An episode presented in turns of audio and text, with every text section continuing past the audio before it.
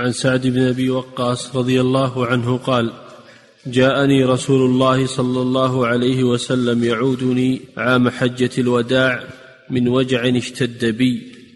فقلت يا رسول الله قد بلغ بي من الوجع ما ترى وأنا ذو مال ولا يرثني إلا ابنه إلا ابنه إلا ابنة أفأتصدق بثلث مالي؟ أفأتصدق بثلثي مالي؟ ثلثي نعم. نعم بثلثي مالي. نعم. قال لا. قلت فالشطر يا رسول الله. قال لا. قلت فالثلث. قال الثلث والثلث كثير.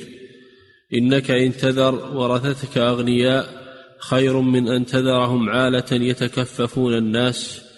وإنك لن تنفق نفقة تبتغي بها وجه الله إلا أجرت بها حتى ما تجعل في في امرأتك.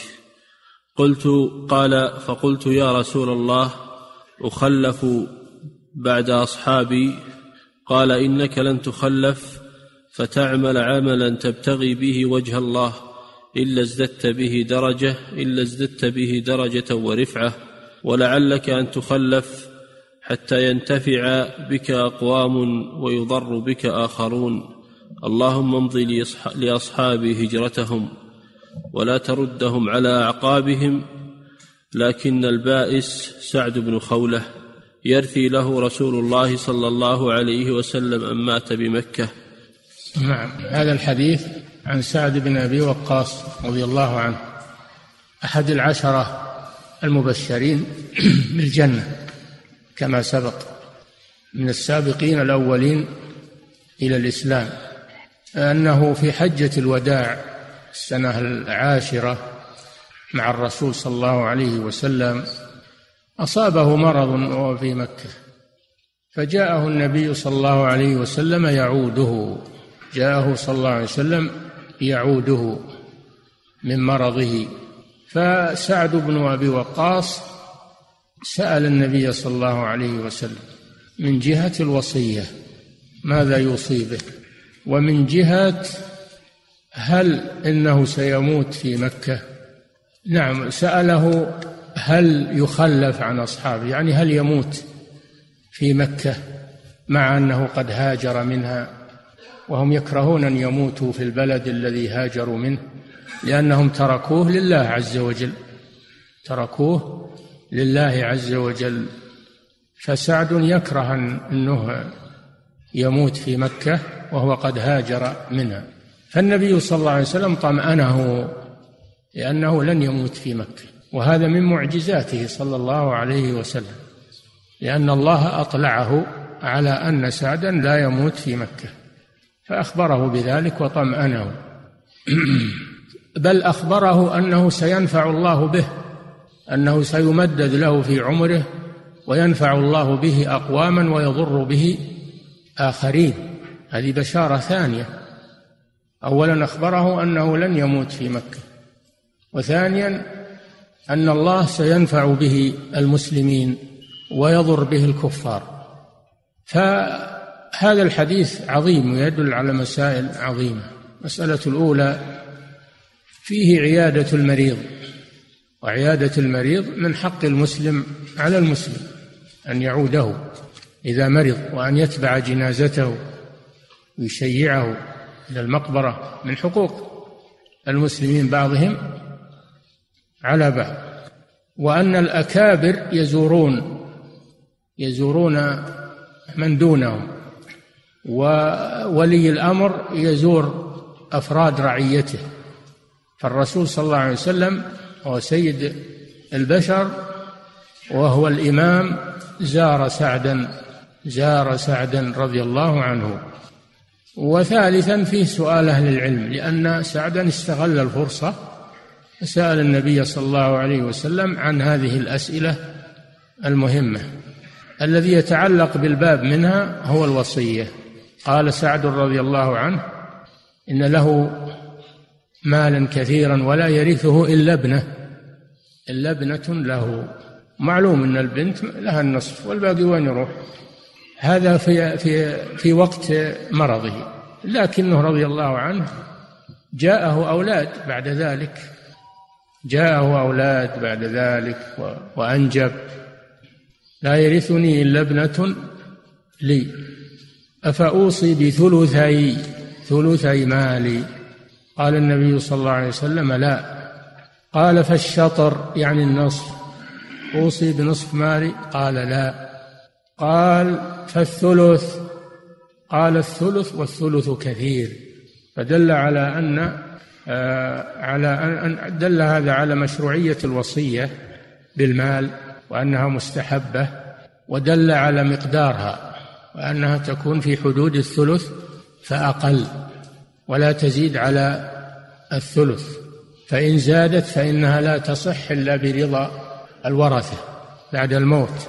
أما إذا كانت في حدود الثلث فأقل فإنها تمضي وليس للورثة اعتراض عليها.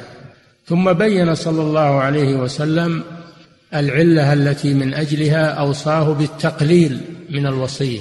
قال إنك أن تذر ورثتك أغنياء خير من أن تذرهم عالة يتكففون أي يسألون الناس. عالة يعني فقراء. فدل على أن المال الذي يخلفه الميت لورثته له فيه أجر. له فيه أجر. لأنه نفعهم ووسع عليهم فله في ذلك أجر. خير لك من أن تذرهم عالة يتكففون الناس.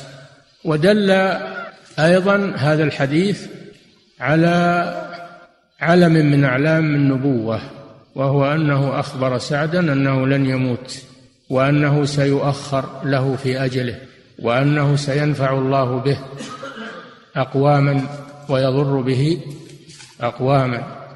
وقد وقع ما أخبر به صلى الله عليه وسلم فإن سعدا لم يمت في مكة بل طال عمره وجاهد في سبيل الله وفتح الفتوح رضي الله عنه ونفع الله به المسلمين وضر به الكفار.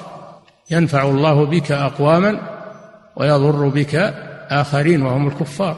وذلك بالجهاد في سبيل الله لأن سعدا رضي الله عنه كان قائدا من قواد الجهاد في خلافة الخلفاء الراشدين. فهذا فيه علم من علام النبوة. وفيه أن النفقة التي ينفقها الإنسان وهي وهو حي اللي خلفه له فيه أجر واللي ينفق في حياته له فيه أجر. ينفق على نفسه وعلى أولاده حتى ما يجعله في في في امرأته مع أن نفقة امرأته واجبة عليه لكن له فيه أجر لأنه بذلك يغنيها لأنه بذلك يغنيها عن الناس. فله أجر على النفقة الواجبة فما بالك بالنفقة المستحبة؟